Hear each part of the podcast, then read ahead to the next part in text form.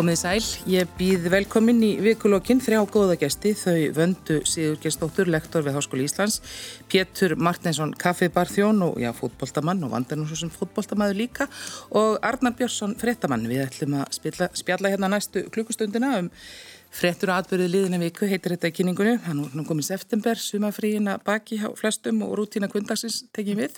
Skólarni byrjaður, það er nóg að gera hjá mörgum, pólitíkusum ekki síst og haustlaðurnar eru svona komnar yfir okkur og það má kannski segja að svona haustkvellurinn fyrsti hafi verið hjá knætspinnusambandinu um síðustu helgi. Þegar að formaðurinn fyrst og, og svo stjórn sambandsins eiginlega, er nú eiginlega ekki hægt að segja hana en núna við röklast frá í skugga ásakana um ofbeldi og brot ásakana hendur landslismönnum og hreyfingin talin ekki hafa bröðist við sem skildi og þetta mál er náttúrulega langt frá því að vera til líkt að leita og kjósa nýja stjórn núna, byrju næsta mánadar og allt svona svolítið upp í loft.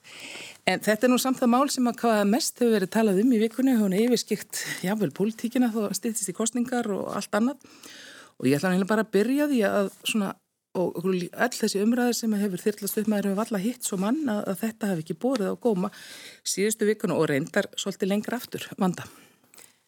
Já, þetta er náttúrulega afskaplega svona sorglegt mál og finn mikið til með þólundum að sjálfsögðu. En ég veist þetta samt vera starra heldur en bara KSI. Ég veist þetta líka vera félögin, aðrar íþróttir og bara samfélagið í heild. Þannig að hérna, og þetta er alveg flókið og, og, og, allt það. En ég, svo ég tælu nú í svona smá fókbóltaslettum, þá finnst mér þetta svo mikið dauðafæri. Eh, tækifæri til þess að bæta og gera betur, nota þetta þessa, þessar hörmungar í rauninni til góðs. Þannig að ég held að reyfingin, ég held að það veit það nú allir að það þarf heldur betur að taka til. Og í mínum huga þá þarf annars vera að gera upp fortíðina, mér stað mjög mikið þetta því að þetta eru skælveli mál. Og við megum einhvern veginn ekki bæta á vanlíðan þólanda sem er alveg nóg fyrir. Þau eru í kellaránum í hildipinu eiginlega. Og við þurfum einhvern veginn sem, og þá er ég að tala um bara sem samfélag sem heild, ekki bara að kási þurfum einhvern veginn að finna leiðir til þess að að bæta ekki óná e, þá vanlíðan sem er nú þegar fyrir og frekar reyna að hjálpa þeim upp. Og partur af því er að vera með almeinlegar aðgerðir og að gera upp fortíðina. Og það eru þarna nokkur skælvilega mál sem að mínum að þetta þarf að gera upp Fyrst, fyrst þér þessi svona, hafa orðið og þraungur fókus í þessari viku þar sem menn hafa bara einlega talað um sportíminni við hefum búin að vera að tala um, um kynbundið ofbeldi og MeToo-bylgjur sem hafa reysið hér sko, hver af annari og, og miklu, leng, miklu fyrir en það sko, en núna eru allir svo uppteknir af því hvernig íþróttarhefingin stendur. Já, ég skilða samt alveg kannski líka, það er oft talað um glerþök og svona, ég get verið orðið fósettisáður, ég get orðið fósetti en ég get ekki orðið þjálfari kallalandslisins skiljið mig, það er engin kona þjálfa hjá KSI og ég er búin að taka þátt í þessari jafnbrettisbartu þó að knastbyrjusambandi hafi bætt sig svakalega á undanförnum árum og áratugum. Það er engin spurning, en þá ég skilir þetta alveg og þetta eru náttúrulega mál sem hafa komið upp hjá þeim og þetta er þessi eitrað menning. Ég sé þessa menningu á sparkvöldum út um allt land. Mm. þar sem að litlir strákar einhvern veginn setja sig á hæri hæsti eða eru settir þannig að það er eitthvað svo flott að vera góður í fókbalta og þetta byrtist í í ljóti orðbræði og ofbeldi á, á sparkvöldum út um allt land. Þetta, og þess vegna segi ég að þetta er ekki bara kási, ég skila umræðan hafi verið þar en það er bara ekki nóg. Og ég er alveg sannforðum að knastbundsambandi mun taka til. Mm. það er bara engi spurning og þau eru búin að segja nú þegar. Þannig að en mér finnst bara að við meðum ekki láta staðar numið þar, við þurfum að nýta þetta tækifæri og fara alla leið með þetta mm. Pétur, hvað finnst þér svona sem hefur fylgst með þessu og hefur verið já, hluti af þessum heimi, þetta er stór hluti af þínu lífi, er fótboltinn og, og svo spilaði við það? Já, ég er nú sammála á vöndu að þetta er náttúrulega samfélagsmein og, og núna er undir smásjáni KSI og fótboltarhefingin en áður hafa leikúsin verið undir smásjáni og, og fleiri stóra stopnanir en þetta er kannski fyrsta skiptið sem e, þessi Uh, þessi bylgja næri einhvern veginn að fella heila, heila stopnum sem er mjög karlæg og hefur alltaf verið. Og, og það er alveg sko, stórkostlegur árakur sem hvenna knaspina hefur náð á Íslandi í þessum mótvindi sem í rauninni hvenn menn hafa verið með í alla götur. Uh, og svo verður umræðandaldi svona polariseruð uh, hérna eðlilega ég held að svona, við kallmenn sem erum aldir upp í þessari menningu finnir svolítið óþægilegt eh, að bara segja þetta orð að trúa þólendum, stiðja þólendur en það er bara eitthvað sem við þurfum að gera. Það hefur aldrei verið gert, við hefum verið með ráðafólk og fólkina hátsettina kirkjunar og, og, og sendiherra sem hafa leið undir ásökunum og aldrei gert neitt. Eh, þannig að það er bara komin tími til að, að, að þessi bylgja fái almennilega hlustun og, og ég held að, að þessi komin til tími til að við kallarnir hlustum fyrst og fremst trúum og, og, og síðan reynum að, að breyta í kjálfarið. Mm.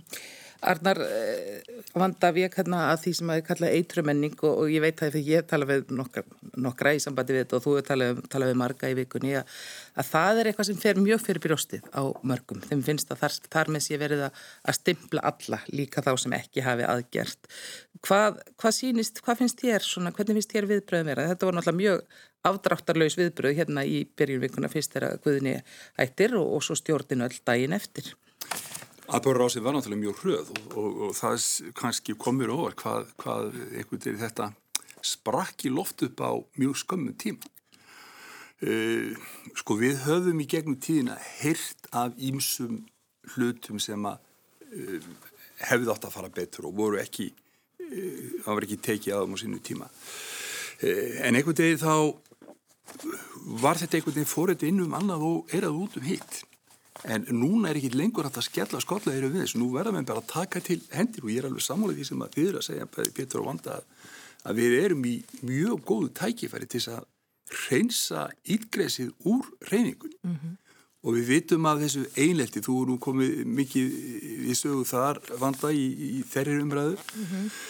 uh, þessi klefamenning sem að menn er að tala um hún hefur auðvitað verið karlæg margi sem að ég talaði við í vikunni að þeir vildu nú meina að, að, að hún væri nú ekki eins slæmis og, og menn, margir heldu hún þarf að nota hana til góraverka, þú þekkið þar um Pjötur mm.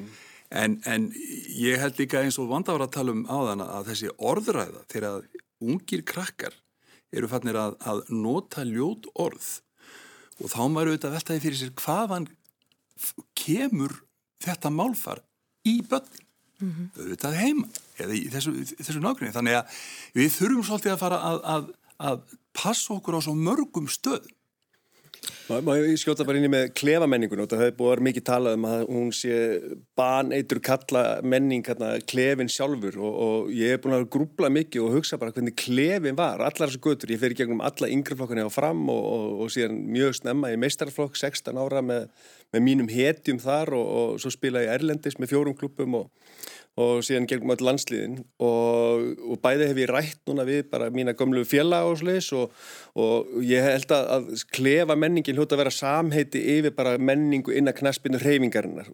Klefin sjálfur fannst mér dásamlegur og þegar ég hætti fókbalta 2008 að þá var það kannski svona fyrsta sem ég saknaði, mér fannst ymmið eh, þessi kallmennska, maður tók aðeins kallmennsku grímuna niður og þarna voru við alltaf berskjaldærin í klefa og aldrei uppnað hvern fyrirlitningu inn í klefanu per sé. Eh, það var náttúrulega eins annað þegar menn eftir leiki eitthvað fóru og fengur sér bjóra að þetta hittust fyrir utan klefan í minni hópum að þá kannski var aðeins önnu stemning og, og ekki til eftirbreytni. En, hérna, en klefin sjálfu fannst mér daldið góður uh, og jákvæður svona sánaklefin kannski líka. Já, menna, ég, mér fannst ekki vera eitthvað svona ofbeldismenning þar eh, yfir höfuð. Vanda, en það er náttúrulega þetta, hvað er svo hægt að gera? Sko? Já, eins og ég sagði hann, mér finnst annars verð þá þarf að, ég vil hérna fara tilbaka. Ég vil gefa þólundum það að það sé fara tilbaka. Við erum búin að gera það í alls konar öðrum málum, varðandi svona stopnanir og og ýmislegt, þetta er náttúrulega mjög flóki sko, kási eru náttúrulega ekki dómarar og ég veit það alveg, en ég tel samt að það þurfi að bara eins og við tölum bara eins og þetta mál sem kemur upp naukunar fyrir tíu árum það þarf að gera þetta upp. Þetta er bara ræðilegt og bara skelvilegt að lesa og mér finnst bara við skuldum þólundu það að við gerum upp mál e, í fyrsta lagi Finnst þið þá eitthvað svona innan gæðsalapa svona sannleiksnæmt eins og já, eitthvað bara, um já, við höfum rauninni frek, frekar heldur en kannski bara lögregluransóknin heldur þurri reyfingin einhvern veginn að fara gegnum þetta á þennan Já, eitthvað svona, nú er, ég er ekki með mm. sko 100% sör það eru öruglega einhverju sem vita meirum þetta heldur en ég, en mér finnst að við skuldum þólundum að, að gera upp. En, mér finnst það, en síðan finnst mér rosalega mikilvægt og að, að það er að við einhvern veginn, þetta tækifæri sem að mér finnst einhvern veginn við verið í núna að, að við þurfum að laga alls konar mál varandi framtíðina og KSI þarf að sjálfsögðu að vera miklu betri í þessu. Og, og, hérna, og ég tek mjög mikið undir það sem að Pétur var að segja varandi karlmennina vegna þess að konur hafa í gegnum þessi ár tilbaka svolítið boruð upp, það hafa verið einhverjir karlar að sjálfsögðu, ég tek alveg hattin um hann fyrir þeim en allt, allt, allt og fáir og þannig að við hérna, að því að það er alltaf þannig einhverjir fari vörn og segja ekki allir karlar. Við vitum það alveg. Það er ekkert allir karlar en það eru samt sömur karlar. Og það eru líka konur, já, það eru líka konur en það eru rosalega fáar konur. Þetta er bara tölfræði, við vitum þetta það er ekki tækt að loka augun fyrir þessu. Þetta er í flestum tilfellum eru gerendu karlmenn. Ekki allir, nei, sem betur fyrr skiljiði, en aðrir karlmenn, góðir karlmenn fullt af flottum, ég seti hérna mótið tveimur. Ég á mann heima, æðislegu maður. Þú veist, allir verða að koma með inn í þessa baróta því þetta er svo erfitt fyrir konunar einar. Já og mann þurfi kannski líka bara ekki, ekki bara þetta viðbræði að ég hef nú ekki gert svona og ekki, ekki maðurinn minn og sonu minn og pappi minn eða bara fólki í kringum mig, Karlóði, menn men viljum ekki gangast við en það er líka spurningin kannski um það menn viðurkenni þá eitthvað. Og segi kannski já ég er kannski ekki að þessu en, en þurfa kannski líka stundum að blanda sér inn í. Ég held að það er mikilvægt að, að, að e, það sé einhvers konar fórum fyrir kallmenn að, að e, koma fram og, og viðkenna hvernig þeir hafa að sér hinga til en ég held að sé ekki síður mikilvægt bara átta sig á vandamannu. Við töluðum um að þetta veri samfélagslegt vandamál. Mm. E, maður bara lítir á statistikina þriðjingu hvenna rýporta að þær hafa lendi kynferðislega ofbeldi eða kynferðislega áreitni sem hefur haft verulega áhrif á þær. Veist, það er sko rúmlega 10% hvennast lenda í nöðgun. Þetta eru mm. stóra tölur þetta eru semst rannsókn sem frá sko, ég held að það sé 16 eða 18 ára upp bara uh, allar aldur mm -hmm. eh, og leið og eh, þetta þessi bylgja á netinu MeToo-bylgja, getum talað um aðra bylgju núna og það er allt í henni komið nöfn og, og sögur á bakvið þessa statistík og þá verður maður sjokkeraður en við erum náttúrulega bara átt okkur á að þetta er samfélagst mein og þetta verður að fara alveg, sko, þetta er rampólitist mál. Í hvernig mm. samfélagi viljum við búa? Veist, hvað ætla, ætla stjórnmálfokkar núna eru kostningabráðan, hvað ætla stjórnmálfokkar að gera í þessu máli, Menna, þetta, er, þetta er ekki bara fótballtarhefingin og fótballtarhefingin hefur ekki öll vopn og hendi til þess að tækla þessi mál en, en hafa ímislegt e, það er náttúrulega verið eitthvað skonar sannleiksnemndir eða eitthvað þannig að það er náttúrulega erfitt fyrir knarsbyturhefingun að rannsaka sitt eigið fólk, sína eigin stráka. E, þessa hálgvöði sem hafa verið á vellinum og allir dyrkað á dag það er náttúrulega erfitt fyrir okkur sjálf innan reyfingarinn að, að rannsaka það. Það verður að vera sérfræðingar sem koma að málum. En þú nefnir þarna hálfguðina, það er nú orð sem hefur verið svona fleikt svolítið inn í þetta, þarna séu menn sem hafi verið sko, settir á stall og tignaðir fyrir það hvað þeir eru og frá það, það verður náttúrulega ekki aldrei frá þeim tekið, frábærir í fótbolta og það sé einhvern veginn, en ertu sammálið því að það sé talið tromba allt í, eitthvað þeir tali um þá sem fyrirmyndir eða eitthvað, er það ósangjant að ætla að stila þess að því að menn séu góður í fótbolta þá séu þeir automatist orðnir fyrirmyndir? Það held ég séum bara óumflíalegt og hefur alltaf verið við, við, við búum til einhverjum skonar hetjur og, og, og maður bara les manginsuguna þá er þetta alltaf einhverjir kallar sem eru hetjur og, og svo hefur þeirra persónal líf verið einhvern veginn sko. En hérna e, ég held þetta getur alveg farið saman sko að, að, hérna, að vera hetja og skurkur á sama tíma. E, En þetta er eitthvað sem, sem hérna, er líka áhugavert að, að hugsa hvort að, að þessir innan gæsaleppa hálgvöðir séu líkleri til þess að, að brjóta af sér uh, vegna þess að þeir búa í einhverju búblu og búa að, lifta þeim upp en, en mér finnst að við höfum ekkert fyrir okkur í því sko. það er hérna það væri bara hægt að færa rauk fyrir því að, að, að eh, fólk sem er hampað frá, frá hérna, ungum aldri og, og, og geta kannski ekki lifa eðlu lífi og fá ekki þessa uh, mentun eða, eða þjónustu uh, að, að kenna þeim á lífið menn takir bara ekki þessu. út allan sem þroska ég, ég áttum ekki á því en við vitum ekki um það. Menna, bara statist ekki nefnd á, það bara kallmenn eru uh, viðst, brjóta af sér. Bara statist ekki segið það og, og hvort það sé meira innan, innan þessa geira annars, það, það veit ég ekki um.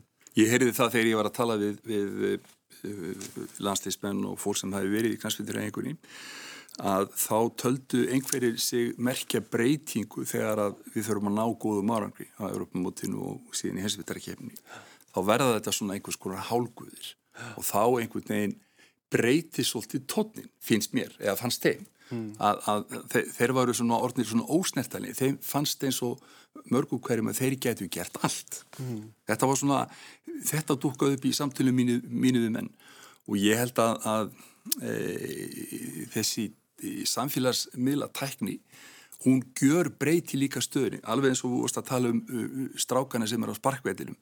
E, þeir eru að fá fullt af upplýsingum í gegnum kanala sem við fengum ekki sem krakkar. Nei, nei. og í gamlanda þá misti maður að góðu partíi vegna þess að það var snúrusím á heimilinu og það náðist ekki í manna því það var ekki sem svaraði.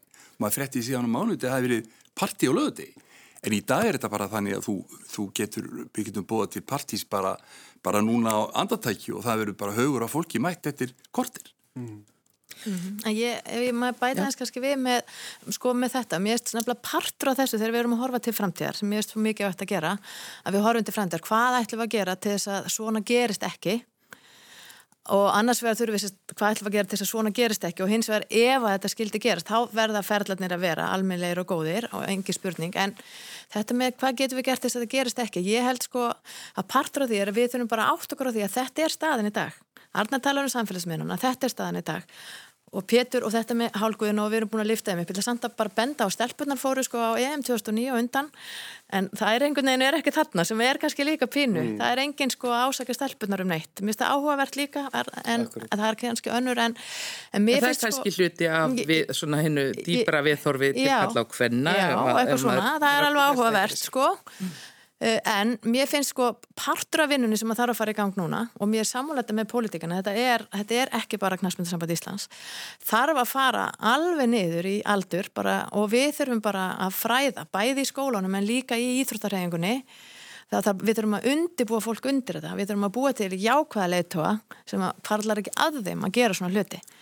Það er einhvern veginn eitthvað sem að þetta má ekki verða einhvern veginn tilviljun af því að ég er þekkið náttúrulega hellinga frábærum knastmyndumönnum og allt til allt það en hérna, þetta má ekki vera tilvílun einhvern veginn í hvaða leið maður fer. Þú verður að læra að höndla þetta. Þú verður að læra að höndla að þennan status að vera hálkvið Þá var það félögin líka að byrja ekki alltaf varpa ábyrðinni yfir Nei. á, á knaspinu-sambandi Það er ég nefnilega 100% samanlega og mér finnst þetta þarf að fara inn í þjálfaramentuna þetta þarf að fara inn í félögin og síðan knaspinu-sambandi Er það ekki rétt hjá mér að, að, að þegar að félög er að ráða þjálfara í dag að, að þá er þurfu að þjálfur að skila sakavóttari.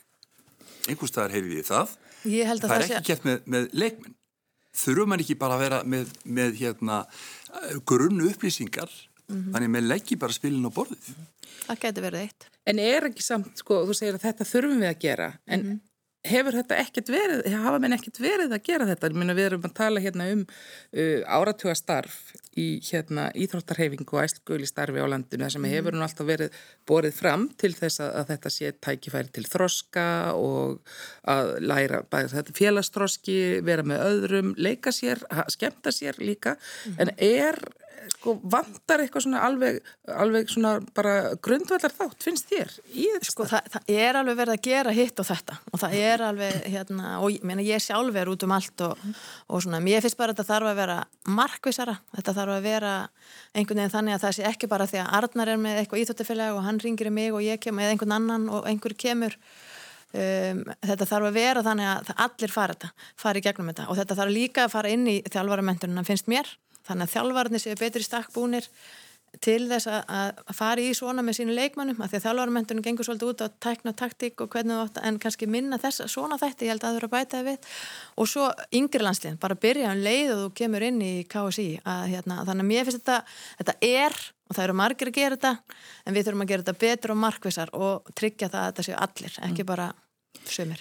En eh, nú gerist það þarna um síðustu helgi að formaðin og svo bara fjölmennstjórn segir af sér og þá eru þetta, þetta er menn sem að gefa kost, menn og konur sem gefa kost á sér í sjálfbóða mennsku og sækjast eftir, þetta hljómar kannski mjög eftirsoknarvert en það er nú samt, raunin er svo, er það ekki að það hefur reynist eiginlega sífælt erfiðara að manna þetta inn í íþróndarhefingunni og bara miklu víðar í samfélagi svona sjálfbóðastarf? Jú, ég held að það sé, það eh, er orðin miklu meiri svona elitismi í íþróttum og eflaust erfiðar að fá sjálfbóðlega starfi og oft er þetta uh, kallar, miðaldra kallmenn kall, sem fara í í einhvers konar sjálfbóða starfi í, í liðunum og, og það er það sem gerir býr til hreyfinguna að þeir sem kjósa þessi stjórnir á ástingum og kjósa þessi formen og, og, hérna, og fólk til ábyrðar uh, og þetta er oftast frábært fólk sem hefur hérna, unnið gott starf fyrir, fyrir íþróttir í landinu en, en það er daldi á gamla skólan. Uh, það er daldi enginlegt að 2021 að þessu 15 kallmenn og tvær konur í stjórn uh, í, í knaspinurheimingu sem er fjölda reyfing, er 30.000 yfkendur og reysastór reyfing þannig að e, veist, það er íhaldsum reyfing og, og íhaldi víða. E, hérna, þannig að það, það er eitthvað sem, sem ég held að, að félögin sjálf ætti að, að leggja áherslu á að fá, fá fjölbreyttari fólk að, að vinnunni í kringu félögin og, og þá mun það endur spekla stjórnir í stjórnir í þessum sérsamböndum. Það verður forræðilegt að sjá uh, hverjir það eru sem að gefa kost á sér í, í þetta starf eftir það sem að á undanin gengi og það voru auðvitað margi sem voru í stjórninni núna sem að eru nýkomnir inn og hafa vantarlega enga vittneskjum um þessi mál sem að Eh, eru nú voru upp, upp, upp á borðum en þetta fólk gætar ekki að gefa kost á sér þannig að, að Er það alveg komið fram að þessi nú setjum stjórna þeirra alltaf því að nú heitir þetta líka endur nýja umbóðið Já, já, sko? ég heyrði það eftir, eftir einum ábyrgumanni sem að sagði það, það væri bara einniðustæðan en, en ég veit svo ekki hvað verður þetta var kannski sagt í svona korter eftir þetta fórast það en, en Er engin umræðum að jafna hlut kynja í stjórn KSI? Sko mér skilst að það nú verið mjög erfitt að fá konur til þess að starfa. Vanda. Vanda, horfaði, horfaði bara á, því. Vanda, nú er þú kona, getur þú svara fyrir alla kona? Ég, ég, ég veit að eins og þú sagðir hérna réttilega fyrir þettinum að, að, að KSI hefur uh, gert brægarbót á ímsanhátt, það eru konar fleiri konur innir hefinguna, en ég veit það bara að, að þetta hefur verið vandamál. Já, kannski bara fara inn í þennan kalla heim sem að Já, einmitt, kannski það þarf að breyta það. kannski mm -hmm. hérna stopnuninni áður en að konur koma til starfa. Og þá segir ég líka eigum, eigum við að laga það konurnar mm -hmm. aftur. Við eigum að laga kynferðslega ofbeldið og við eigum að laga það að komi fleiri konur í stjórn. Mm -hmm. Er það svoleiðis? Eða eigum að hjálpa stað? Af hverju er þetta þá? Af hverju eru svona fáar konur? Mér veist heldur ekki að þetta er bara að benda það er svo erfitt að fá konur. Konur vil ekki gefa kost á sér og eitthvað þannig. Um, það er kannski einhver ástæða sem líkur þar á bakvið og hérna Um, til dæmis er svo bara að tökum þjálfarana það er engið þjálfari innan kási kona ég veit alveg að það hafa konu svottum en það hafa ekki verið ráðnar um, sem dæmi ég er eiginlega bara að þú að hengja mig upp og það eru fleiri en tvær konu sem maður myndi vilja vera í stjórn kási mm. en hérna en svo hef ég samt alveg heyrt þetta líka. Ég ætla ekki að loka neitt eironum fyrir því. Ég hef alveg heyrt að þetta sé erfitt.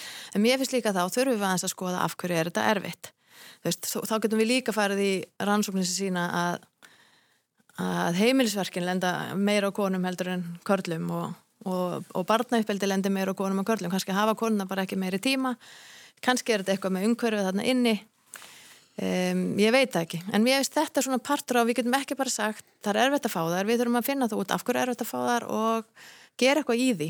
Og heldur að það verði samt ekki gert eitthvað núna, heldur að verði ekki ásýndin, verði ekki eitthvað aðeins önnur eftir við, þetta við auka þing? Við lamið höfðinu við steinin, þetta hefur bara verið vandamál að fá konur til starfa. Og ég hef nú búin að vera nú lengi í Íþróttafréttamaður og það var oft bara erfitt að fá konu til þess að tjási. Þú verður að ringja mig oftar. Nei, ég, ég, ég, ég er ekki að segja það en, en ég meina sem betur fer hefur þetta breyst rosalega mikið. Já, ég meina síðasta í... landsleik bara margarlega á Arne Guðlarsson saman. Já. Ég meina hérna bara það er aðeinstætt og við erum að sjá... Dóttirinn bara einn besta íþóttafrættumanniska sem ég Já, við erum að sjá fleiri koma inn í, þessa, inn í þetta en, en mm -hmm. lengi vel var þetta bara vandamál. Já. Já, ég veit ekki hversu mikið vand, við höfum alltaf talað um það að það var ekki hægt að fá konur í stjórn fyrirtækja og svo bara sett lög um það og þá var bara konur í stjórnum fyrirtækjum og það var talað um að, að konur vildi ekki koma í viðtöl og svo bara sett reglæna rúf og nú eru bara jafn, jafn konur og kallar í viðtölum og, og veist, við bara lög um þetta. Mm -hmm. Það eru vilja konur tala og tjási og hafa áhrif á íþróttir eins og eins og allt annað. Þess er, það sem ég er að, var að segja, meina er það að við þurfum að laga þá umhverfið innan sambandsins já. áður en að við þurfum að kalla eftir því að fá fóttistarf. Já, já. Sko, hérna á ástengi KSI eh, eru aðeldafélögin sem, sem velja sér fólk til þess að koma á, á ástengi, tvísvar verið á svona ástengi KSI og, og, og þetta eru náttúrulega bara svona pungastemning sko, mm -hmm. þetta eru meira og minna bara kallar í, í þessu, á þessu ástengi Já. Og það eru aðeldafélögin, það eru aðeldafélögin allstaður um landið og... Þau þurfa bara að byrja að taka ákvörðum, við ætlum að senda konu Já og bara, ef þú ert með fjóra, sendu tvær konur og tvo kalla. Það er. Ef þú ert með tvo, sendu einu konu og það er bara sem, sem eh, reglu. Það er til dæmis. Ég verð fyrir sko rosalegum vandbröðum eða verður ekki allavega 40-60 núna í hérna, þessari nýju stjórn. Ég hlýtur að vera að grafa um það. Mér finnst það bara algjörð lámarki mínum hefa. En e... þá erum við á klúður þessu tækifæri. Þá erum við á klúður þessu. Ég sagði það að við erum í dauðafæri og KSI getur með þess að vera leiðandi í einhverju sem að geti bara breytt einhverju fyrir bara þólendur út um allt land og bara og framtíða, eða skiljum, þetta getur verið kási getur bara gert eitthvað sem er stórkoslega frábært. En svo ef að verið sko, það eru 15-2 ég held að það eru 14-2 en 15-2 Guðni var 15 maður hann... Já, já, já, ef það verður allt aftur þannig, ég er bara græti kottan, ég get svariða en það er við sko klúður þessu tækifæri. taland um dauðafæra og línu sko að, að, að, til þess að breyta til, til góðs eða, eða bæta uh, þetta eins og allstæðir í samfélaginu það er, það er þetta bæta ýmislegt. Þá erum við bara í miðri byltingu. Uh, við erum hérna í, í annari bylgu af þessari MeToo byltingu og, og nú eru konur eða fólk með, með rött í gegnum samfélagsmiðla sem aldrei hefur heyrst í áður. Uh, það hefur áður komið upp kynferðis afbrott og, og, og nöðganir sem sem enginn uh, vissi hverju voru, það var enga sögur að þetta og, og það var svo auðvelt að þakka það niður. Nú verður ekki þakka niður í þessari byltingu og, og þetta er komið til að vera og, og það er bara spurningum tóneira innan knaspbytarhefingarinnar eða innan leiklistarinnar eða hvað þetta er sko, þetta er unda víða og hérna og ég bara tek undir það, þetta er bara döða að fara á línu að, að, að koma í nútíman. Mm. Klukkan er alveg verið hálf tól, þau sittir hérna hjá mér Arnar Björnsson, Pétur Martinsson og Vanda Sigurkjastóttir og við höfum verið að tala um, um fótboltarhefinguna og MeToo-bylgjuna og þetta og við erum ekki alveg að sleppa þessu strax en það sem hefur líka verið, menn hafa samt talað um það í þessu og sem er að hafa stíðið fram og Pétur segir menn verða bara að taka því að núna hlusta og, og gera það en uh, þegar maður segja sko að það sé ekki það sé, það sé byrtist svo mikil refsigliði og, og svona svo mikil heift í umræðinu líka og hún sé ekki, ekki hotheldur og við erum búin að nefna hérna þetta eitraða orð, eina eitröðu karlmennsku sem að, að sem, sem að ymsum svíður eh, er þetta bara nöðsilegu hluti af þessari hérna umræði vanda?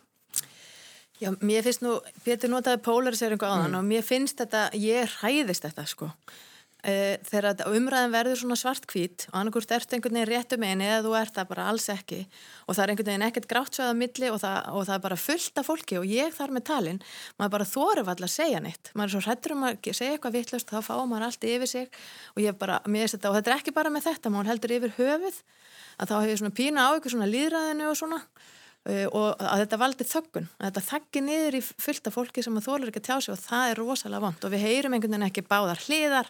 Nú er ég til dæmis að vinna í einheltsmálum það er bara svo rosalega mikið vegt að skoða mál frá mörgum hliðum. Og ég held að gildi bara um allt. Þannig að ég ræðist örlítið hérna, ég verður bara viðkenna það. En finnst þið þá örla því að ef að mann segja að það þurfa að skoða mál frá báðum hliðum eða það sé, það sé staðans í flókin þá sé mann ekki taka nægilega afstöðu með þeim sem að hafi, hafi þessi broti gegn. Já, kannski bara það umræðan verður svo heftuleg á samfélagsmiðlunum og þá verður oft personleg eins og einhver kási hérna í stjórninu sagði það var drullega við mig og fjölskyldunum mín þetta verður svo, verður svo mikið grimd einhvern veginn og ég held einhvern veginn ekki að það hjálpi mikið og þá eru við kannski bara komið með fleira niðurbróti fólk sem að mér eist heldur ekki gott Ég, ég talaði nú við, við einn í höfingunni sem að, sem að eh, átti bara mjög erfitt með að, að tala við mig því að símin var fullur af alls konar viðbjóði og, og geði og, og við komum til að sagði hvað hef ég gert af mér? Þannig að, að við erum með þess að refsi gleði út um allt. Það hlakkar í, í mörgum því miður og það er vond. Það er þetta að horfa át frá hinni hliðin líka að uh, eins og statistíki segir, ég múið tala um þetta á þann sko, veist, það eru yfir 10% konur sem er nöðgað og það eru yfir 30%, 30 konur sem lenda ég, í kynfyrir sókvöldi. Ég er ekki að menna það. Nei, frá hinni hliðinni mm -hmm. að það hefur, uh, að segja sko að umræðin hefur verið polariseruð, umræðin hefur aldrei verið með þólendum, aldrei hingað til, skiljuðu og það er eðlilegt að þólundi komið fram og krefjist breytinga og þá verður þetta polariserað og ef einhverju stjórnarmenni KSI tímabundi lendi í einhverju skýtkast á netinu þeir verða að taka því held ég sko. Eh, hérna, og ég hef sjálfins ekki á, miklar áhugir á þessum kanselkultúr eða slaufuna menningu sem, sem mikið er talað um. Og, og þetta er bara, við erum að gangi gegnum breyting á samfélagi. Og þú veist, það, það verður talað um að það sé verið að kansela eða slaufa einhverjum, einhverjum e, frægum mönnum. E, þessi menn kom allir tilbaka held ég. Og, og það var kannski bara alveg ágætt líka meðan konurna sem lenda í, í ofbeldinu þær kom ekkit endilega tilbaka þetta er sko, myrna, ef þetta væri ekki nöðgan heldur síru ára sem myndi sjá að andlitin á konunum alla æfi e, en, en sáriði bara innan á Eh, en það, það skiptir sér enginn að því út af maður sér þetta ekki og þá tekum maður þetta ekki alvarlega Ég er sko 100% samanlegar og ég held við þurfum með þetta ofta að fara langt þegar við erum að breyta, það þarf oft mm. og ég er til dæmis mjög þakklátt öllum feministunum sem eru búin að vera í þessari baróttu, bara mm. rosalega þakklátt fyrir mm. það en mér langur svo að við förum kannski bara svona vennilegt fólk fá ekki bara, þú veist, eða hérna Já, þetta er kannski eineltiskonan í mér þegar þetta verður svona já. persónlegt og svona grimt að þá, að þá er þú kannski líka komið með smá sírusára á andlitið. Jú, jú, akkurat. Það er eiginlega, þó ég sé 100% sammála sem þú varst að segja, þá bara, ég þetta ræði mig pínu þegar þetta verður svona um, grimt. Mm. Það er kannski Eh, ekki klísja, eða kannski er þetta bara sannleikur um, um það sem bara samfélagi sem við búum í af því að þú nefndir Arnar sem er nú stór hluti að þessu, það er þessi, þessi sko miðlun, augnabliksmiðlun á skoðunum allra, eða ekki allra heldur þeirra sem hafa sig frammi og, og, og hversu auðvelt er að dempa henni fram og, og eiginlega, já, kaffæra fólk í einhverju sem að því hérna líður svo illa með sko. Já, ég held að það sé nefnilega við, þessi samfélagsmiðlar, þessi, þessi greimt sem við erum að sjá þar að hún er, hún er ofta tíðum alveg skjálfileg og, og þar ertu náttúrulega með eitt að grimmasta einelti vanda sem að, sem að, þú, sem að menn standa framið fyrir þegar að nánast er verið að, að taka personur bara af lífi, dæma það í, í, út í hon. Þar eru við, við, við allt og, allt og grimm og þessi samfélagsmiðlar eru held ég stór þáttur í, í þessu sem er að gerast í dag. Mm. Já, já, já, eða sérst rannsóknin sína að við leifum okkur grimmari hluti þegar við erum ekki með fólk fyrir framann okkur. Mm -hmm. er, þegar við erum að segja eitthvað. En ég er samt líka alveg sammálu Petri að þú verður náttúrulega líka veist, hættu bara að lesa þetta, eða þú veist, maður getur líka svona kannski bara pínu og þú verður að þóla eitthvað. En, en þetta er vandratað, en mér er bara vond þegar einhvern veginn sko, ef að skoðana skipti hverfa og svona. Og nú er ég ekki að tala um bara þetta mál heldur yfir höfuð og ef að grimdi verður orðin þannig að fólk bara einhvern veginn vel er að tjá sig kannski mm. bara ekki.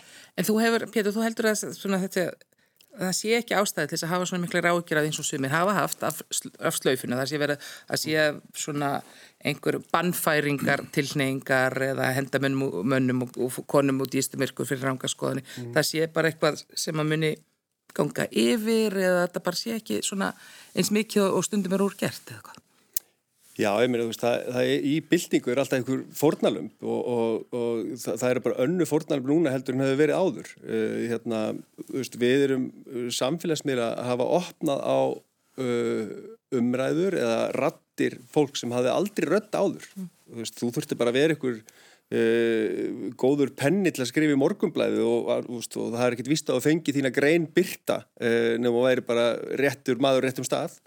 Eh, núna er bara alls konar fólk sem getur tjáð sig og auðvitað er þetta, veist, þetta er alls konar fólk og auðvitað er þetta polariserað og sum, eh, skrítið og svoleiðis en, en ég hef í, í grunninn minni áhugir af þessi, þessi, þessi slöfuna menningu eh, heldur en allir hafa og það, þetta er svona, við erum að gangi um breytingar sem samfélag og, og það er mjög ríkt í okkur að vilja ekki breytast, við viljum breyta öllum við á öðrum en ekki okkur sjálfum Og, og það er svona klassist slagur bara hjá Donald Trump make America great again veist, við verðum aftur verða eins og við vorum áður sem var frábært fyrir uh, miðaldra kallmenn, hvita miðaldra kallmenn í bandringu, það var meiri áttar það var ekki gott fyrir konur, ekki minnilutahópa ekki fatla, ekki engan annan.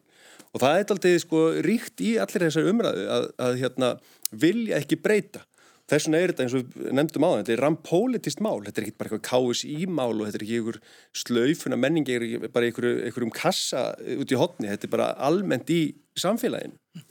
En af því við erum samt alltaf líka bara að tala um fótboltan og nú er þetta kemur upp í á áður en byrjar svona alveg, alveg sirpa af leikjum og, og menn svona voru fylgdu svolítið með því hvernig er þið mætt á völlin og það er afturleikur, núna er það ekki bara á morgun. Morgun. Jú, morgun. Ha, morgun. morgun. Magad, Norður Makedóníu og hérna þetta hefur áhrif svolítið á andrumslótti í kringum þessa leiki líka og, ekki, og, mér, og skildi engan undra. Já, mjög aðtækisverður blagamannafundurinn þegar að, að þjálfarin talaði var að tala um það að menn um, þurft að vanda sig menn þurfið alltaf að tala og, og þá er umræðin, umræðin komið þangað. Uh, ég held að, að, að uh, þegar að þessi stormur er búinn að þá fáið eins og, eins og við erum að tala um að þá fáið vonandi betri hreyfingu. Mm -hmm. uh, fólk veit þá allavega hvað á að gera og það verður krafa frá samfélaginu að það verði gert. Að grunnvinnan verði í lægi. Og ég er ekki nokkur um að með það að, að eh, eins og við vorum að tala um aðan að, að þessi umræða, hún á þetta að koma okkur held ég út úr myrkinu, við meðtar að, að verða öbluri fyrir vikið. Mm -hmm. Og kannski að þú sagir sko, menn verða að vanda sig og þóra alltaf að segja neitt. Ég myndi segja sko, þóraði endilega að segja eitthvað, en bara muna að vanda sig. við þurfum bara kannski öll að gera það, við þurfum bara að vanda okkur betur. Mér er þetta frábært sem þú er búin að vera að segja, Pétur, ég verði að segja það. Ég, ég bara veit ekki hvað, veist, ég skil ekki alveg að þetta, auðvitað er þetta viðkvæm mál og þetta er sérstaklega viðkvæm mál gæðið þólendum og ég er ekki bara að tala um þessi mál sem er núni í gangi, bara almennt þólendur, þetta hlýtur að rífa upp einhver sár hjá, hjá fullt af eh, fólki fullt af fólki og, og fullt af konum. Uh, en það að þú er ekki tjási þá ertu bara hrættur um þín eigin skoðanir. Þú, þú getur talað öll mála að þess að fara sérstaklega, þú veitur erfitt þegar, þegar vinimanns liggja undir ásökum eða, eða jafnvel með eitthvað ákjærur á sér að ræða það sérstaklega en það er engin að byggjum að það sé verið að tala sérstaklega um þau mál bara almennt. Segðu bara ég stend með þólundum, ég trúi þólundum til dæmis. Það er málið. Mm. en hvernig fannst ykkur andrúrslótti vera í kringum þennan leik sem að fór nú ekki sérstaklega vel gegn Rúmuni? Mér varst bara, hérna, ef við tölum að eins og fókbalta, mér varst bara stórkværslega gaman að sjá að það er hérna, kynnslóðarskipti og ungir strákar að koma þann inn sem hérna, eru, eru efnilegir og, og ég hef bara mjög gaman að sjá það og ég, hérna, þjálfvarðinni voru að, að stilla upp liði sem voru að reyna að gera ákveðna hluti, ég sá hvað þau voru að reyna að gera, það hefnaðist ekki allt og vissulega tapaðist leikurinn. En við erum að gangi gegnum kynslu og skipti sem hérna, verða mjög hérna, aðdeklisverð og, og, og ég hef trúið eftir kannski. Fjögur ár getur við verið með samkynnsæft lið mm. og mögulega aftur í fremsturöð Fannst, einhverjum fannst að menn hefði bara átt að hunsa leikinn eða eitthvað, það sína einhverja vannþóknun í gegnum það? Já, það voru, það máttu vera 2200 á vellirum og samkvæmt leikskíslu var 1961 á vellinu þannig að að KSI sem hefur nú venulega selgt alla miða og, og hefðu geta gert það í mörgu tilvíkum oftar en einu sinni að völdurum var ekki fullur. En, en það er samtækjum um 40 sem vantar upp að það, sko, þannig að það er nú ekki mjög mikið. En... 1960-2200, það, það eru hann að... Já, það eru nokkur... nokkur Áttur þú vonaði vanda að menn myndi sleppa því að mæta á völlin eða fylgjast niðurleiknum? Ég finnst þetta óeðlilegt viðbröð. Nei, mér finnst sko þetta, þetta er nefnilega svolítið, þetta er flókið allt saman en, en ég held sko við verðum að horfa fram á við, við verðum að halda áfram Er, ég geti byrjað að tala um fullta rannsóknum sem að sína hvað íþrótti geta haft góða áhrif mm. og það eru fullta fólki að senda börni sín í íþróttir og, og ætla vonandi að gera það áfram þannig að mér finnst einhvern veginn ekki að vegum að fara í, í það, þann pakka heldur frekar að að finna leiðir til að verða betri og bæta umhverfið og bæta ferlana og, og, og bæta það sem við segjum og hérna þannig að já, ég er einhvern veginn þar sko, mér, mér einhvern veginn langar ekki að fara einhvern veginn í skotgrafir með þetta en, en hérna, en það verður eiga síður að þetta verður að gerast. Og það, ég held að, að því að samfélagið er núna eins og það er og eins og Pétur var að segja á þann rattir sem að heyrðast ekki áður eru núna að heyrast sem ég finnst frábært. Að að hérna þegar ég, við vorum kannski að spila þá var engin, einhvern veginn engin sem var ekki fókbalt einhvern veginn að skipta sér að hvað var að gera sér á KSI, eða allavega það heyrðist ekki það var kannski einhverjum eldursum einhverstar út í bæ en það heyrðist aldrei. Nú er bara fólk út um all land að skipta sér af. Hugsið ykkur eða þeir myndið til dæmis ákveða, við ætlum að leggja nefnir kvennalandsliðið. Það var gert árið 1987 þegar ég var að spila. Á hátindi míns ferils er kvennalandsliðið lagt nefur í mörg ár að það. Það var samt kallalandslið, 21 kallalandslið, 17, alls konar kallalandslið en ekki kvenna hugsið ykkur hvað myndi gerast í samfélaginu í dag eða eru myndið segja, ætlum að leggja niður kannast við erum að spara. Það er þið allt vittlust. Mm. Heldur betur. En heldur það sé vegna þess að það bara orðin breytt viðþorf í samfélaginu eða kannski hluta þessu líka samt þessi mikla bylgja sem að var í fótballtanum og svona velgengni og meiri og aukin áhugi og hálf þjóðin fóra til útlanda að elda liðið og eitthvað svo leiðist þannig að þetta er svona hálf ekki bara, ekki bara kallaliðið heldur líka hvernig Já, ég var bara ágrátandi í Hollandi sko, að því að sjá alla þessar þúsundir að fólki koma að horfa á kvennalagsliðið í útlandum en hérna En Þannig að þá er það góða gengið sem skilar þessu svona úti í, í samfélagið líka áhuga um einhverju leiti. Sko. Þannig að eins og ég segi, mig langar einhvern veginn að við, hérna, við gerum í fortíðina en við horfum fram á við og við förum einhvern veginn hérna, þá leið, það er svona mín ósku. Mm en eh, þegar við komumst nú held ég ekkit, við munum ekkit finna neina algjör að lausna þessu máli frekar en aðrir en, en, en þó vonandi þokast þetta alltaf áfram eins og þeir að segja og ekki bara þokast, nú er meira er kannski tími til þess að það verði ekki bara einhver hænuskref heldur stór stökk. Já, sko. kannski alltaf líka nefna þú veist, hérna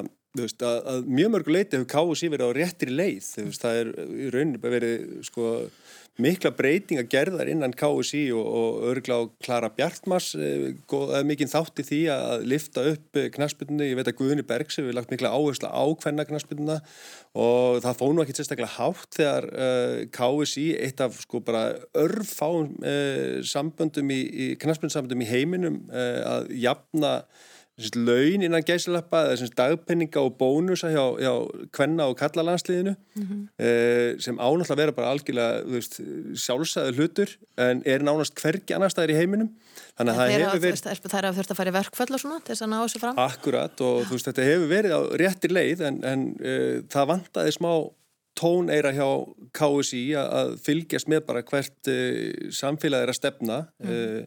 Kannski voruð ekki á Twitter eða Instagram og, og heyra hvað, hvað konur er að tala um uh, en hérna en uh, það verður breyting á því mm. ég er alveg vissun um það. En, en þú nefnir þarna líka sko, peningana sem að KSI reyndar er að láta ganga til sinna sko, landslið og svo leiðis en, mm. en það er ekkert mörgi sem halda að það sé svona aukin vít, ekstra vít í öllu þessu og öllu þessum erfiðu máli núna sé þetta rosalega samspil alveg feikilega mikill að peninga sem að koma inn í, í fótboltan og það er svona í víðara samhengi líka ekki bara hérna en, en líka hérna hjá okkur. Það er, það er mjög mikið undir því bara, bara hvernig hvernig liðinu gengur og fyrir hvern og einn líka.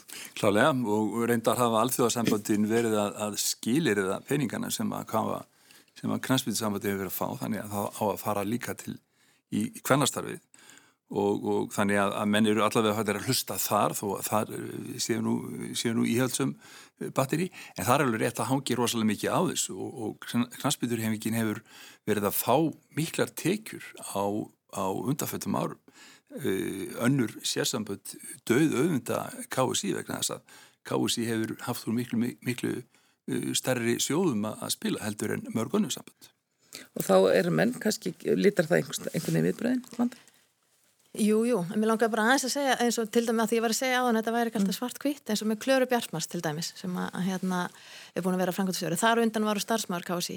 Ég er á þeirri skoðun að án Klöru þá væri kvennafóboltin ekki á þeim stað sem hann er í dag. Það eru líka fleira góðar konur og kallar sem hafa unnið að þessu. Þannig að þetta er ekki alltaf svona svart-hvít. Klara er búin að vinna mjög mikið að jafnrættismálum en svo núna kannski einmitt, hvað sagður tón? Já, bara, hún bara fann ekki stemningun í samfélaginu. Nei, og eitthvað svona. Þannig að þetta er ekki, þess, það eru oft svona fleiri en einn sko mm. hlið. Þú veit annars vegar að gera fullt af rosalega góðu, svo stendur þau kannski ekki vel í, nógu vel í einhverju öðru Og fannst þið þá of hart gengið fram gagvart henni svona bara úti í samfélaginu? Já, ég, þú veist, þetta er, þetta er bara búið að koma fram hjá mig. Ég vil að við vöndum okkur meira. Ég vil að við eh, förum ekki svona mikið í mannin og hérna, og séum ekki kannski að brjóta niður fólk og kannski heldur ekki fólk sem áða ekki kannski svona mikið skilið. Mm. Það var einmitt þetta sem ég var að tala um maðana þegar að, að, eitt sem ég talaði og ég sagði þetta fyrir þetta sem er með fullan síma og alls konar viðbjóði mm. og, og þar held ég að, að, að þú getur gaggrínt hlutina, þú þurft ekki að gera þú á þennan átt, að þú reynlega e, þú bölvar á manninu með sand og ösku og, og oskar honum bara allsins e, versta. En ég held að þetta sé ekki sko sama fólkið, af því ég er sko 100% stiðþólendur, ég vil við hjálpu þeim stiðið og hjálpu þeim upp úr þessu svartnætti sem þeir eru í, ég vil ekki að við sem samfélag ef við tölum um svona vok út með tvær körfur og öðrum meina jákvæmt og hinn með neikvægt og þegar þú, fær, ef þú lendir í kynfrist afbróti, þetta er eins og, þú veist, þetta er svo, svo mikið neikvægt, þetta er eins og, þú fer bara niður í eitthvað svartnætti og ef við sem samfélag, kási eða eitthvað annað, erum einhvern veginn áfram að íta niður og í staðin fyrir að styðja það og hjálpa þeim upp, koma með eitthvað jákvæðmegin í rauninni til þess að auka jafnvægið, um, þetta er svona eineltis líking Já. sem ég nota mjög mikið, mm. að því að í einelti færðu svo mikið neikvægt og mér erst einhvern veginn, þú veist, kynferðisafbróta, þannig að við sem samfélag, sko, Þannig að, en ég, einhvern veginn held, þú getur alveg gert sko bæði, þú getur vandaði því sem þú segir, en þú getur líka stutt þólendur og, og hjálpa þeim og komið þeim upp. Við sittum hérna á lögadegi, það eru þrjára vikur til kostninga, við nefndum það hérna upphafið, þetta væri svona pólitíst mál, kostningabaráttin, eiginlega svona að fara að stað svona fyrir þá að minnskust sem eru gammaldags í hugsunarhætti og merkja það helst af, af umfjöllun eigin miðils líka. Mm. eða það er að fara að stað umræðu þættir og, og það er auðvitað líka að menna beita sér á öðrum vettvangi. En, en er þetta mál sem, þú veist, þetta er kannski þetta er auðvitað ekki flokkspolítist mál, þetta er samt polítist mál og finnst þér þetta að vera eitthvað sem maður muni fá eitthvað hérna? Ég, hérna þetta er ekki flokkspolítist mál en, en flokkarnir er mismjöndi og, og misíhaldsamir og, og mislíklega til að, að breytast eh, hérna við sjáum bara að það er svona movement í, í, í pólitíkinni eh, svona einhverjum, einhverjum svona national populisma. Eh, við, við sáum Donald Trump eh, kemur til valda og, og, og er, hann er ennþá af áhrif. Minna það var, það var uh, dómur sem fjell núna með að, að banna uh, fóstureyðingar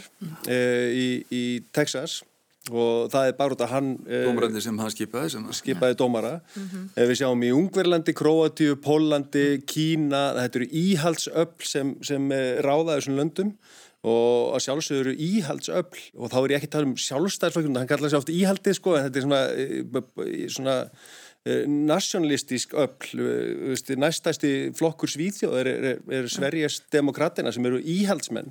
Og það eru akkurat þessi hópar sem vilja ekki breyta KSI, þeir vilja ekki breyta uh, hérna, uh, samfélaginu. Mm -hmm. Þeir vilja gera Ísland aftur uh, great, þú veist, þeir vilja gera aftur Ísland frábært. Finnst, finnst þér þetta vera eitthvað sem er í, svona, finnst þér að þetta verða eitthvað sem er í ábyrgandi núna í pólitíkin núna í aðranda kostning? Sko, sko. Þetta er bara einn, þessi kemfyrsafbórtumál er bara einn byrtingamind af uh, veist, gamla Íslandi uh, þú veist, það bara nefndaði í byrjun þáttæðinans á þann að, að, að það hafa áður verið uh, kallar í, í háum stöðum innan kirkjunar eða innan, innan stjórnmála sem hafa verið ásakaði fyrir eitthvað og það var algjörlega þakka niður og mér finnst bara að fjölmeðlum að spurja bara hvað, að taka á þessu málum? Mm. Heldur þetta verði eitthvað kostningamál? Menn er hann svona mikið að velta fyrir hvað verði kostningamálið? Umhverfismálinn og lofslagsmálinn var eitthvað sem voru, voru nefnd svolítið mikið hérna svona í aðdraðandæs en svo, svo þegar ball, ballið byrjar, ef maður má segja eins og þá getur ímislegt gerst. Ég, ég finnst að, að því þú ert nú á kafið þessu og er, ert þú að spyrja þess að hérna stjórnmálum en mér finnst alveg eðlilegt að þessi spurning komi og að menn svari henni, ég er ekki þú sem þetta verið í en til að kostningamál en mér finnst alveg sjálfsagt að menn, menn spyrji bara til þess að, að koma þessu inn í umræðuna þarna mm. því að það, það er ekki nóg að, að þetta sé bara í já, við séum að tala um þetta, það þurfa allir að vera að tala um þetta og það þurfa allir að fordæma þetta ofbeldi og, og ég held að, að það verði ekki, þetta verði ekki kostningamál en ég held að verði mjög gott að spurja stjórnmálum menn að þessu svona við og við Hvað heldur þú vanda? Að... Jú, ég er sammálaðin báðum en í viðbót við þetta, þá langar mér líka að segja mér, að það er svo rosalega auðvelt að segja réttu svörin. Mm -hmm. Það er svo auðvelt að segja allt sem að, og sérstaklega það eru út í kostningapartu, þannig að ég, mér finnst líka mikið að skoða sko görðir. Eh, hvað hefur þú gert áður?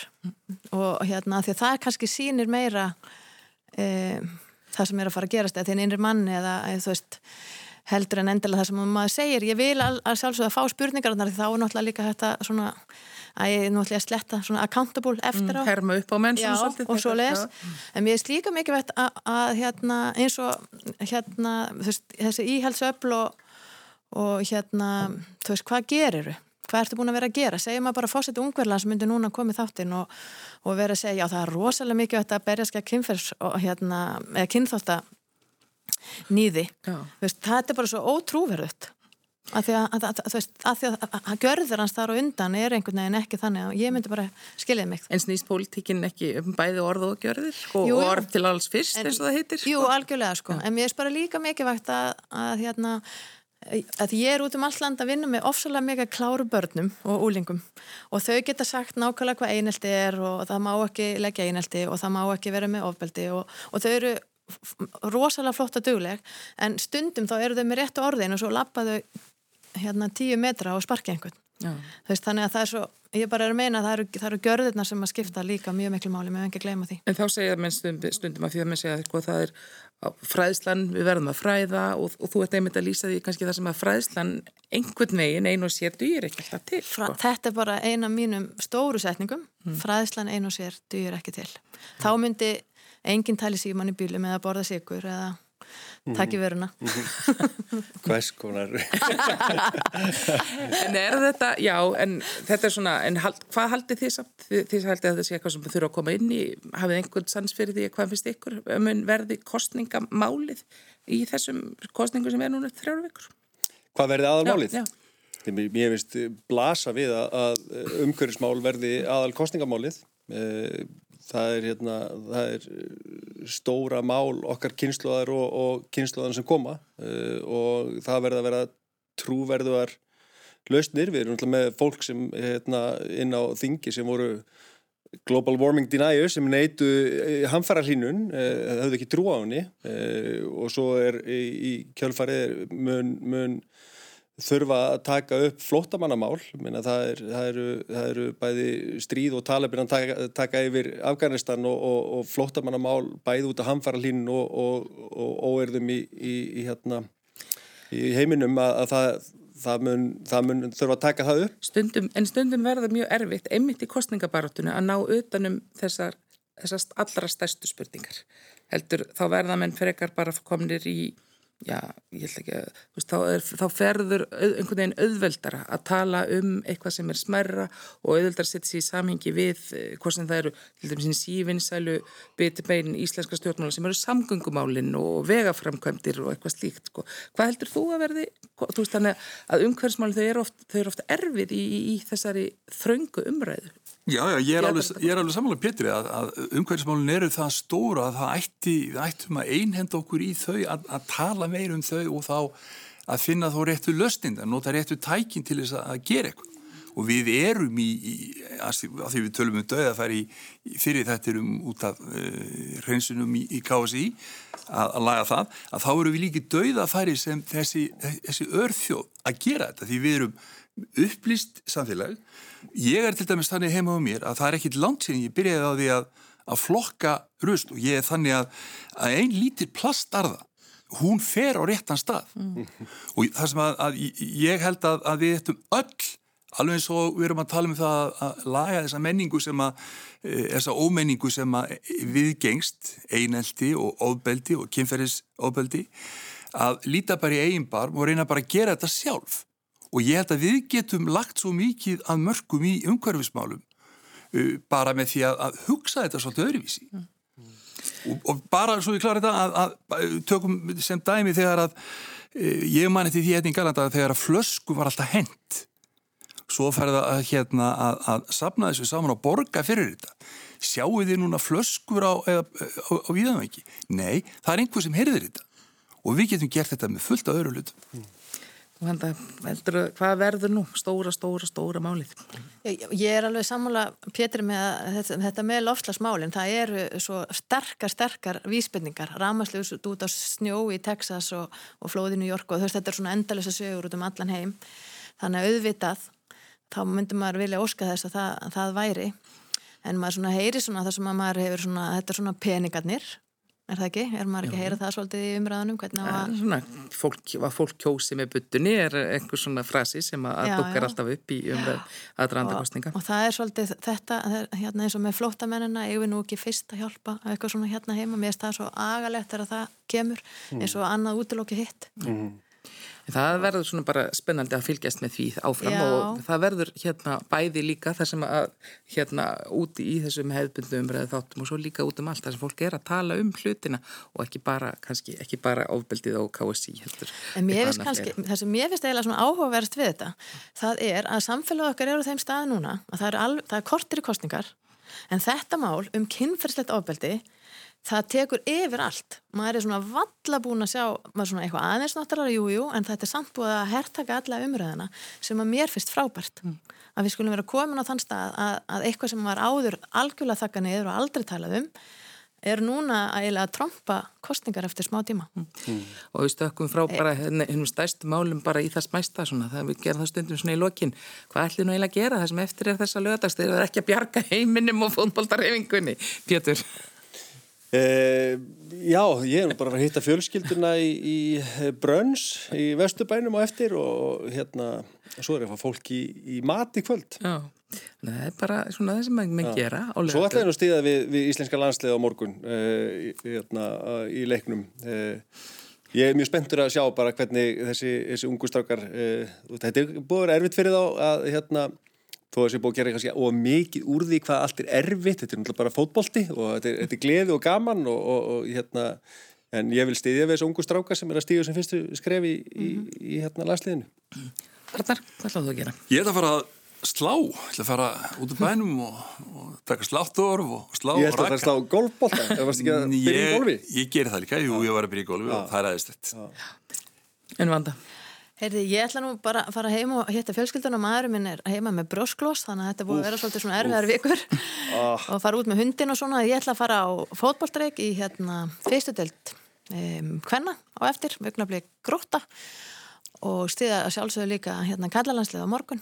En mér langar að enda á að segja að ég eiginlega skora Pétur að bjóða sér fram í forman KSI það er eiginlega niðurstaða mín eftir hennan klukkutíma hérna saman. Ha? Já, ég, ég stiða Pétur. Þú, já, þú ert bara öflur Við látum þetta bara verða að loka orði Pétur svar Hvað fáum við svar Pétur? Ég er og nú. Nei, nei Ég þakka kjærlega fyrir komina til mín hinga í vikulokkin Pétur Martinsson, Arna Björnsson og Vanda Sigurgjastóttir veriði sæl